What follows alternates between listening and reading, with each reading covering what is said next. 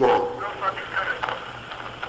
فهل يقوم الورثة بالقسمة الثلث يتأخرون لأنه قد يرتفع سعر؟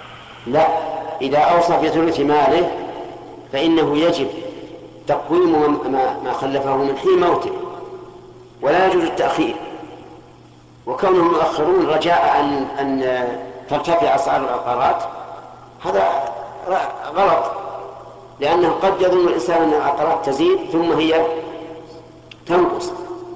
فالواجب إحصاء التركة من حين الموت حتى يعرف ما الذي فيه الوصية.